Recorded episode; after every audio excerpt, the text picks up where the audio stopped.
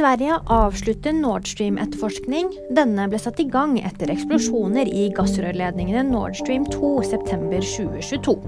Svenske myndigheter opplyser at det ikke er funnet noen klar mistenkt i saken. Både Danmark og Tyskland fortsetter foreløpig sine egne etterforskninger.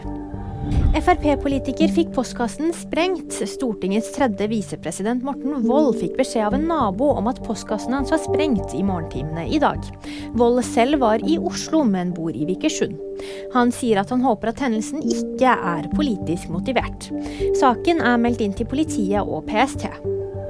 Kristin Skogen Lund trekker seg som Skipsted-sjef. Hun har de siste årene vært administrerende direktør i mediekonsernet. Skogen Lund blir sittende i stillingen til en erstatter er på plass. Skipsted eier bl.a. VG, Aftenposten og Finn. Og nyheter finner du alltid på VG.